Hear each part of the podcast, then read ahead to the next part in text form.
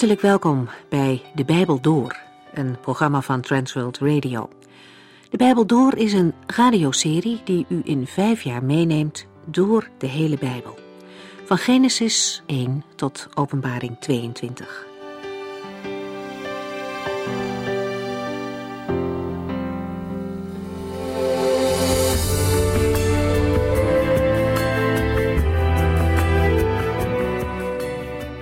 Fijn dat u weer luistert. We lezen vandaag uit de brief aan de Colossense en in hoofdstuk 3 houdt Paulus de gelovigen voor dat hun nieuwe leven zichtbaar moet worden. Hij schrijft over de oude mens en de levensstijl die zij vroeger hadden. Voordat ze bij Christus hoorden, kenmerkte hun leven zich door verkeerde dingen, door zonde. Paulus noemt een hele rij op: bitterheid, woede, boosaardigheid, roddel, vuile en grove taal, liegen tegen elkaar. Dat zijn allemaal dingen die niet bij mensen van Christus passen. Wij kunnen zo makkelijk onderscheid maken tussen zonde. Moord en overspel, dat zijn zaken die misschien heel ver bij ons vandaan staan. Het zijn grote zonden. Maar een kleine roddel en een lelijk woord, ach, dat ontsnapt je zoveel makkelijker. Maar voor God is zonde altijd zonde. Aan al deze dingen moeten christenen niet toegeven. Nou is dat makkelijker gezegd dan gedaan. Want wij christenen maken net als andere mensen gewoon fouten. Het verschil is echter dat een christen weet bij wie hij of zij terecht kan om daarvoor vergeving te krijgen. Een christen is ook een zondaar, maar dan een vergeven zondaar. En in de kracht van de Heilige Geest mag hij elke dag opnieuw beginnen met het leven zoals past bij een kind van God. Iedereen die een andere keuze maakt en die oude mens niet kwijt wil, die moet daar ook zelf de gevolgen van dragen. Daar doet God in de Bijbel niet geheimzinnig over. Colossense 3 gaat verder over de nieuwe mens. En halverwege volgt er een grote maar. Maar, nu bent u een nieuw mens die nog steeds groeit en God beter leert kennen. Zo zult u meer en meer gaan lijken op God die u gemaakt heeft. Het is de bedoeling dat u heilig en volmaakt leeft. Maar dit gedeelte laat ons ook zien dat dat een groeiproces is. U bent een nieuw mens, maar tegelijkertijd ook werk in uitvoering. God zelf is bezig om stap voor stap het nieuwe leven in u zichtbaar te maken. We lezen verder over dit onderwerp in Colossense 3 vanaf vers 12.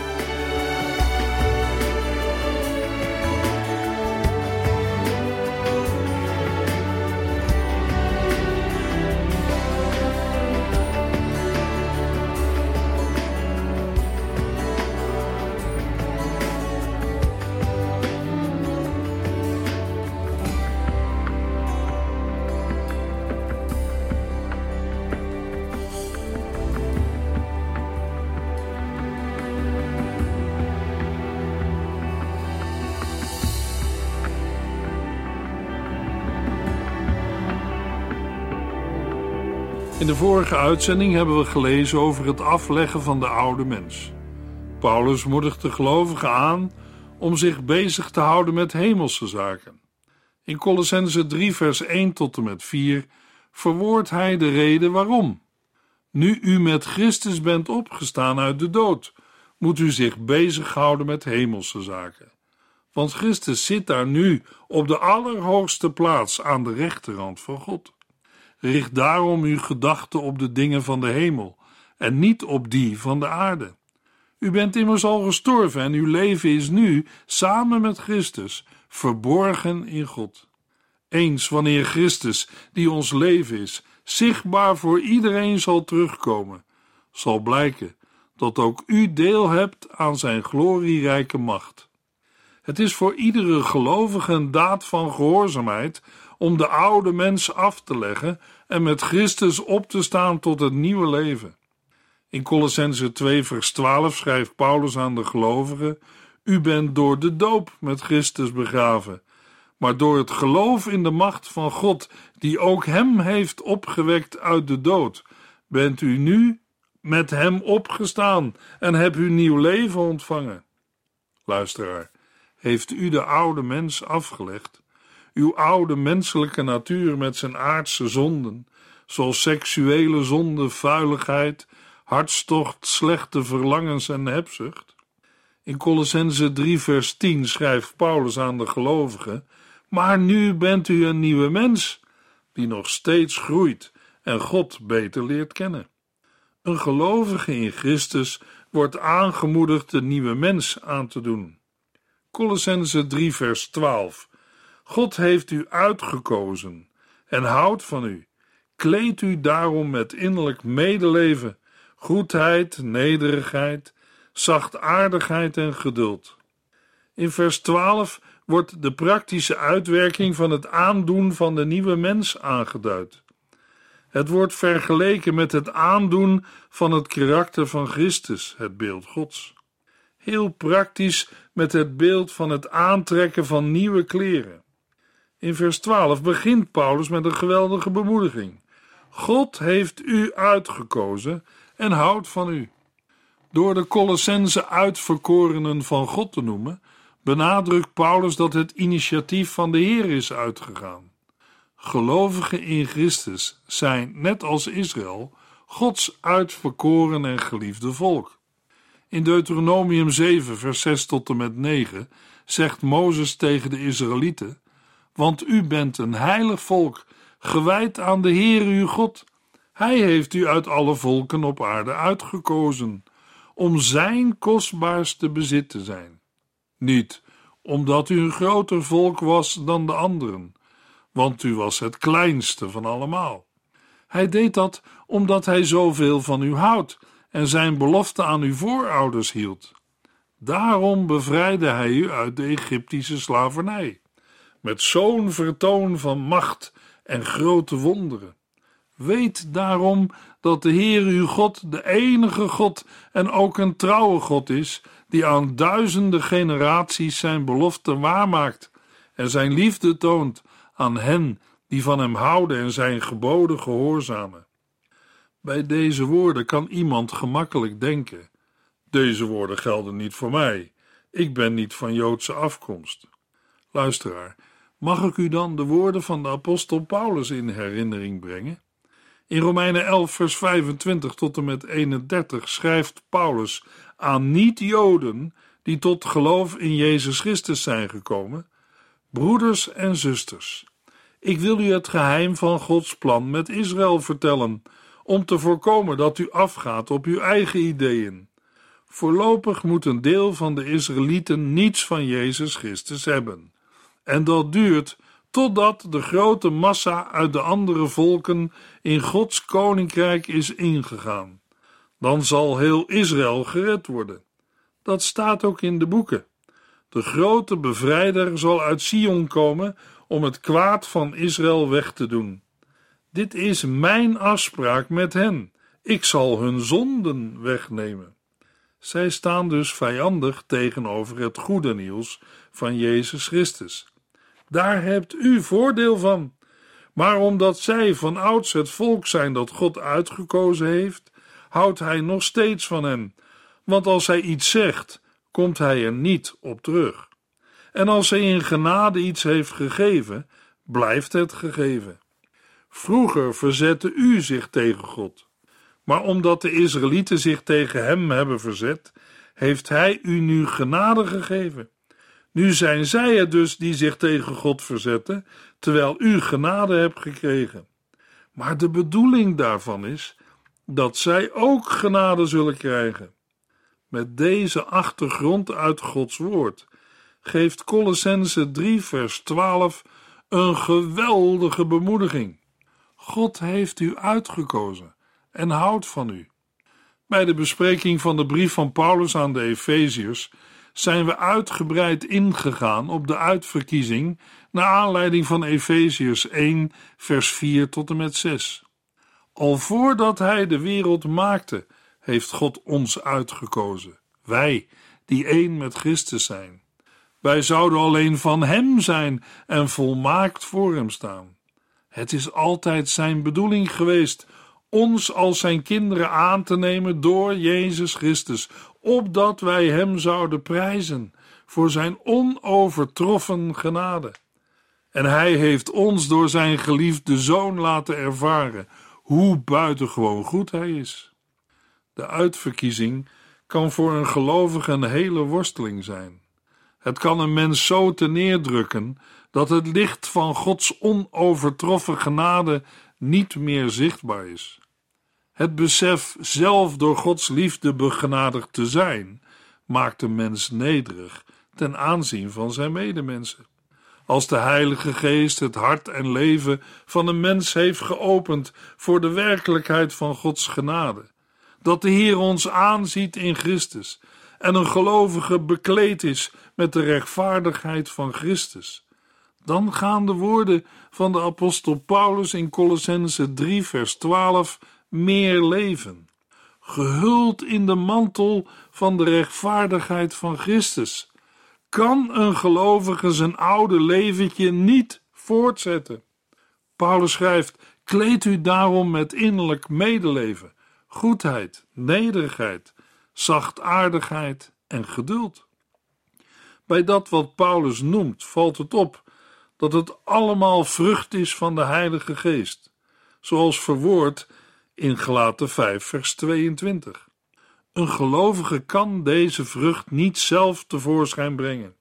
Een mens is vanuit zichzelf zwak en krachteloos, niet in staat goede vrucht voor te brengen. Kleed u daarom met innerlijk medeleven, wat staat voor een diep meevoelen met mensen in nood en de bereidheid om te helpen. Goedheid is een houding van mildheid die een weerspiegeling is van Gods goedheid voor mensen. Paulus vraagt in Romeinen 2, vers 4 tot en met 6 aan mensen: Bent u dan niet blij dat God zoveel liefde toont en trouw en geduldig is? Begrijpt u niet dat Hij zo lang met zijn straf wacht om u de kans te geven met de zonde te breken? Maar nee, u blijft hardnekkig weigeren uw leven te veranderen. Het is uw eigen schuld als de toorn van God u treft op de dag van het rechtvaardige oordeel. Wanneer Hij de wereld oordeelt, zal Hij ieder geven wat hij verdient. Luisteraar, u kunt vandaag de Heere vragen of Zijn goedheid ook u mag vinden en omhelzen. Als de Heere ons vergeving schenkt op grond van het verzoeningswerk van Christus en Zijn offer ons schoon wast en rechtvaardig voor de Heere stelt, dan is het helder wat Paulus vraagt in Colossense 3 vers 13. Verdraag en vergeef elkaar als iemand iets tegen u heeft. Volg hierin het voorbeeld van Christus, die u zonder meer vergeven heeft. Ook al heeft Paulus het in vers 13 in de eerste plaats over relaties binnen de gemeente van Christus. Toch gelden zijn woorden ook daarbuiten. De in vers 12 genoemde eigenschappen maken een gelovige bereid om de zwakheden van anderen te verdragen en zelfs daar te vergeven waar terecht verwijten naar een ander zijn te maken. Het besef zelf van de Heere vergeving uit genade te hebben ontvangen, motiveert om ook anderen te vergeven. Het voorbeeld van de Heer Jezus zelf geeft ook kracht om boosheid en bitterheid om te zetten in vergevende liefde. In alle aspecten van het leven worden gelovigen steeds gevormd en gaan zij steeds meer op Hem lijken.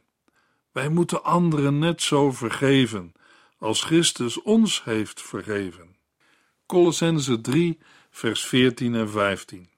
Waar het op aankomt, is dat u zich laat leiden door de liefde, want dan zal de gemeente in volmaakte harmonie bijeen blijven. Laat de vrede van God uw harten beheersen. Daartoe heeft God u ook geroepen als leden van één lichaam. Wees daarom dankbaar. Met waar het op aankomt, wordt de beeldspraak van vers 12 voortgezet. De gelovige moet de verschillende deugden van de nieuwe mens in Christus aantrekken. Daarbij is de liefde de belangrijkste. De liefde is de drijfveer achter alle andere deugden. De liefde is de band waardoor de gelovigen worden verbonden en tot één lichaam gemaakt. De woorden in volmaakte harmonie bijeen blijven moeten opgevat worden als een band die leidt tot volmaaktheid, zowel de volmaakte harmonie tussen de gelovigen als de persoonlijke volmaaktheid in Christus. Paulus roept de gelovigen op om deze harmonie door niets te laten verstoren. In vers 15 wordt gesproken over de vrede van God, die de harten van de gelovigen moet beheersen. Voor het woord beheersen staat in de Griekse tekst: de vrede van God moet scheidsrechter zijn in uw harten. Het woord beheersen is dan een omschrijving van de taak van een scheidsrechter in sportwedstrijden en houdt in beslissen, bevelen, besturen en leiden. Daar waar bitterheid of boosheid in de harten van gelovigen opkomt, daar waar de eenheid in gevaar wordt gebracht, moet de vrede van de Heere bepalend zijn. De gelovigen zijn in het ene lichaam geroepen en moeten daar proberen in de vrede van God met elkaar te blijven leven. Aan het eind van vers 15 roept de apostel de Colossense op om dankbaarheid te tonen aan de gever van deze vrede, aan de Heere, die de gelovigen ook geroepen heeft als leden van één lichaam. Colossense 3 vers 16 Laat uw hart vol zijn van Christus woord. Zijn woorden zullen uw leven verrijken en uw wijsheid geven. Leer ze aan elkaar, wijs elkaar ermee terecht en zing erover in psalmen, lofgezangen en geestelijke liederen. Zing zo met een dankbaar hart voor de Heere. Met het woord van Christus wordt in vers 16 het evangelie bedoeld, waarin de persoon van Christus centraal staat. Als de gelovigen vol zijn van het evangelie, zullen ze als vanzelf elkaar onderwijzen en terechtwijzen, net zoals Paulus en Epaphras dit hebben gedaan. Zijn woorden zullen wijsheid geven, staat tegenover de woorden die wel heel mooi en wijs lijken, maar het niet zijn. De woorden van de dwaalleraren. De echte wijsheid is alleen bij Christus te vinden en bij hen die hem centraal stellen. Het zingen van liederen kan als middel tot dit onderwijzen en terechtwijzen worden gezien, maar ook als een nieuw gegeven. Het parallelvers van Colossense 3 vers 16 is Efeziërs 5 vers 19. In Efeziërs 5 vers 19 worden psalmen, lofliederen en geestelijke liederen gebruikt als middel tot opbouw van de gemeente en bij opbouw van de gemeente hoort ook onderwijs en waarschuwingen. Een duidelijk onderscheid tussen de genoemde liedvormen kan niet worden gemaakt. Met psalmen worden in de eerste plaats spontane uitingen in liedvorm bedoeld, maar ook de psalmen van David. Lofgezangen zijn lofliederen waarin de Heer of Christus wordt geprezen. Ook de bekende lofpsalmen, psalm 113 tot en met 118, horen tot deze categorie. Bij geestelijke liederen moeten we denken aan liederen die door Gods Heilige Geest zijn geïnspireerd, maar mogelijk ook aan het zingen in klanktaal of tongen. Een gezongen lied heeft een grote en gezegende betekenis voor het geestelijk leven van een gelovige.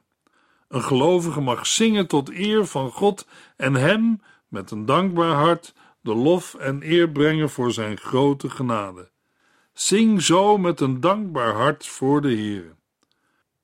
Ook als u niet goed kunt zingen, mag en kan Gods woord een geweldige invloed hebben in ons leven. Colossense 3 vers 17 Wat u ook zegt of doet, doe het in de naam van de Heer Jezus en dank ook God de Vader in zijn naam. Niet alleen als de gelovigen samenkomen, is hun spreken en zingen vol van dankbaarheid, maar het hele dagelijks leven wordt gekenmerkt door dankzegging. Het spreken en handelen van de gelovigen moet zijn in de naam van Jezus. Hiermee wordt bedoeld dat het spreken en handelen volledig onder de heerschappij van Jezus staat, zodat het Hem vertegenwoordigt. In het Bijbelboek Handelingen worden gelovigen gedoopt in de naam van de Heer Jezus, waardoor ze uit het rijk van de duisternis en onder de heerschappij van Christus kwamen. Jezus is de middelaar die tussen de Vader en ons mensen staat. Alleen door Hem is gemeenschap met God de Vader mogelijk. Door Hem kunnen kinderen van God hun hemelse Vader danken. Colossense 3 vers 18 Vrouwen, voeg u naar uw man, want dat is wat de Heere van u verwacht. De opdracht om alles te doen in de naam van Jezus is zeer algemeen gesteld. In de volgende verse wordt het uitgewerkt voor concrete situaties in het huiselijk leven.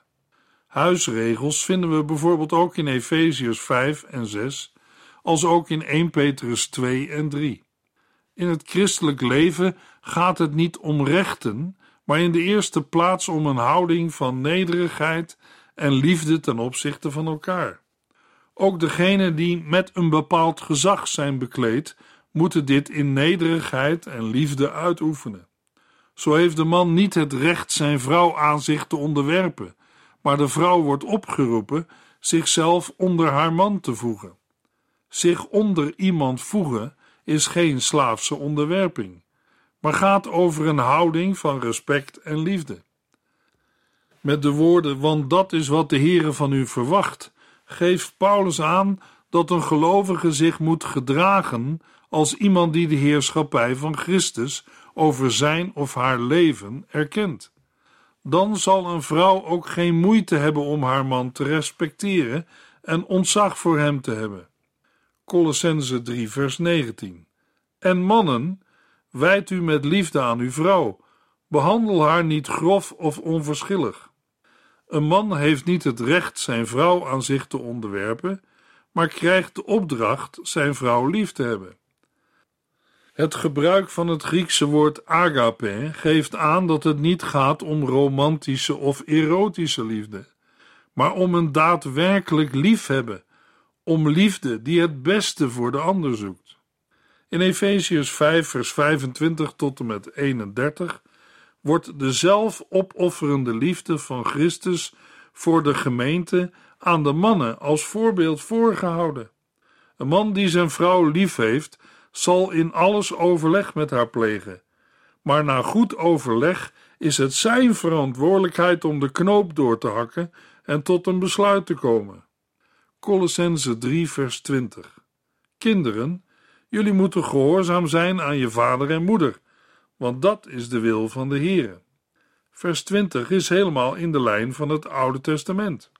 In het Oude Testament werden de kinderen al opgeroepen hun ouders te gehoorzamen. Dat was niet door de ouders op papier gezet, maar een bevel van de Heere.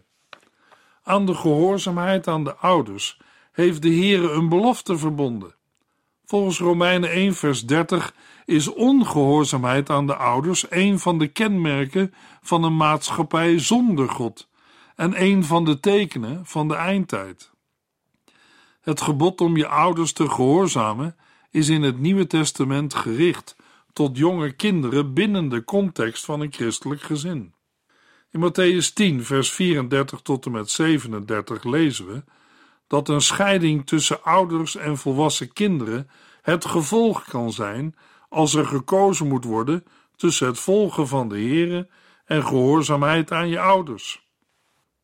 Het belangrijkste motief voor de gevraagde gehoorzaamheid is het feit dat een gelovige wil leven tot eer van God en graag wil doen wat de Heere wil. Colossense 3 vers 21 Vaders, misbruik tegenover uw kinderen uw macht niet, want dan ontneemt u hun alle moed. Niet alleen de kinderen worden op hun plaats gewezen, ook de vaders, die gezag over hen hebben, worden vermaand. Ze hebben hun gezag niet gekregen om te heersen, maar om in liefde hun kinderen op te voeden. In Jezus Christus zijn alle verhoudingen anders komen te liggen. Niet macht, maar liefde is het motief voor het handelen geworden. Vaders moeten hun kinderen zo opvoeden dat ze hen niet ontmoedigen, met andere woorden, bij hen geen minderwaardigheidsgevoelens veroorzaken. Het zal hen alle moed ontnemen en brengt verwijdering of scheiding. In een sfeer van liefde en vertrouwen zullen kinderen het niet moeilijk vinden om hun ouders te gehoorzamen. Colossense 3 vers 22 Slaven moeten hun meesters altijd gehoorzamen. Probeer het hun niet alleen maar naar de zin te maken als ze op u letten, maar voortdurend, met een bereidwillige houding en ontzag voor God. Vrij uitvoerig gaat Paulus in op de verhouding slaaf-meester. Paulus belicht de verhouding slaaf-meester vanuit de absolute heerschappij van Christus over alle mensen, het zij slaaf, het zij meester. Ten aanzien van de slaven maakt Paulus duidelijk dat niet de felbegeerde vrijheid, maar het dienen van de Heere hun voornaamste doel moet zijn. Daarin ligt de ware vrijheid. Colossense 3 vers 23 Wat u ook doet, doe het van harte, alsof het voor de Heer is en niet voor mensen. Paulus gaat in vers 23 niet in op het principieel verkeerde van de slavernij. De tijd was niet rijp voor sociale veranderingen van die aard en de kleine christelijke gemeenten hadden het al moeilijk genoeg. Paulus moedigt onder andere de slaven aan om hun moeilijke situatie te zien als het dienen van Christus, de enige ware Heere. Colossense 3 vers 24 U weet immers dat de Heer u zal belonen met een deel van de erfenis, want u dient de Christus als Heere. Een gevolg van het dienen van Christus zal zijn dat zij van Hem een volledige en eeuwige vergelding zullen ontvangen. Terwijl de slaven volgens het Romeinse recht uitgesloten waren als erfgenaam, ontvangen zij als vrijgelatenen van de Heere deze erfenis. Colossense 3 vers 25 Maar wie iets slechts doet, krijgt het zelf weer terug, en daarbij maakt God geen onderscheid. Vers 25 wordt door sommige uitleggers opgevat als een aansporing voor christelijke slaven om goed te blijven doen, ook al wordt hun door hun meesters kwaad aangedaan. Maar het parallelvers in Efeziërs 6 vers 9 wijst er eerder op dat in dit vers de meesters worden aangesproken. Zij worden met deze woorden vermaand om zich niet te misdragen tegen hun slaven. Hier op aarde konden ze dat ongestraft doen, omdat zij meesters waren. Maar bij de Heer is dat onderscheid er niet. Hij zal ieder oordelen naar zijn werken, zonder rekening te houden met zijn aardse status. De Heere kent bij zijn rechtspraak geen partijdigheid. In de volgende uitzending lezen we Colossense 3 vers 22 tot en met 4 vers 18.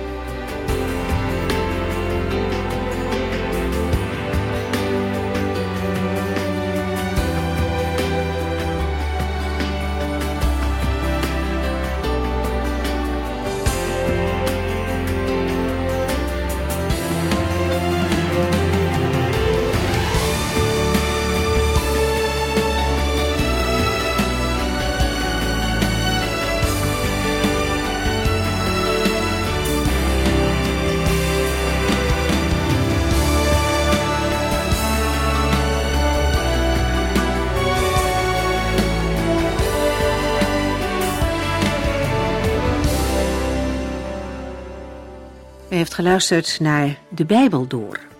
In het Nederlands vertaald en bewerkt door Transworld Radio. Een programma waarin we in vijf jaar tijd de hele Bijbel doorgaan. Als u wilt reageren op deze uitzending of u heeft vragen, dan kunt u contact met ons opnemen. Tijdens kantooruren kunt u bellen op 0342 47 8432. 0342 47 8432. 32. Ook kunt u een e-mail sturen naar de Bijbel door transworldradio.nl en natuurlijk kunt u ook via de post ons bereiken. TWR, postbus 371, postcode 3770, AJ in Barneveld. Dit programma werd gepresenteerd door Cor Weda en Ike André. Techniek was in handen van Odin van Woerdekom. En wij allemaal bedanken u voor het luisteren. Graag tot de volgende keer.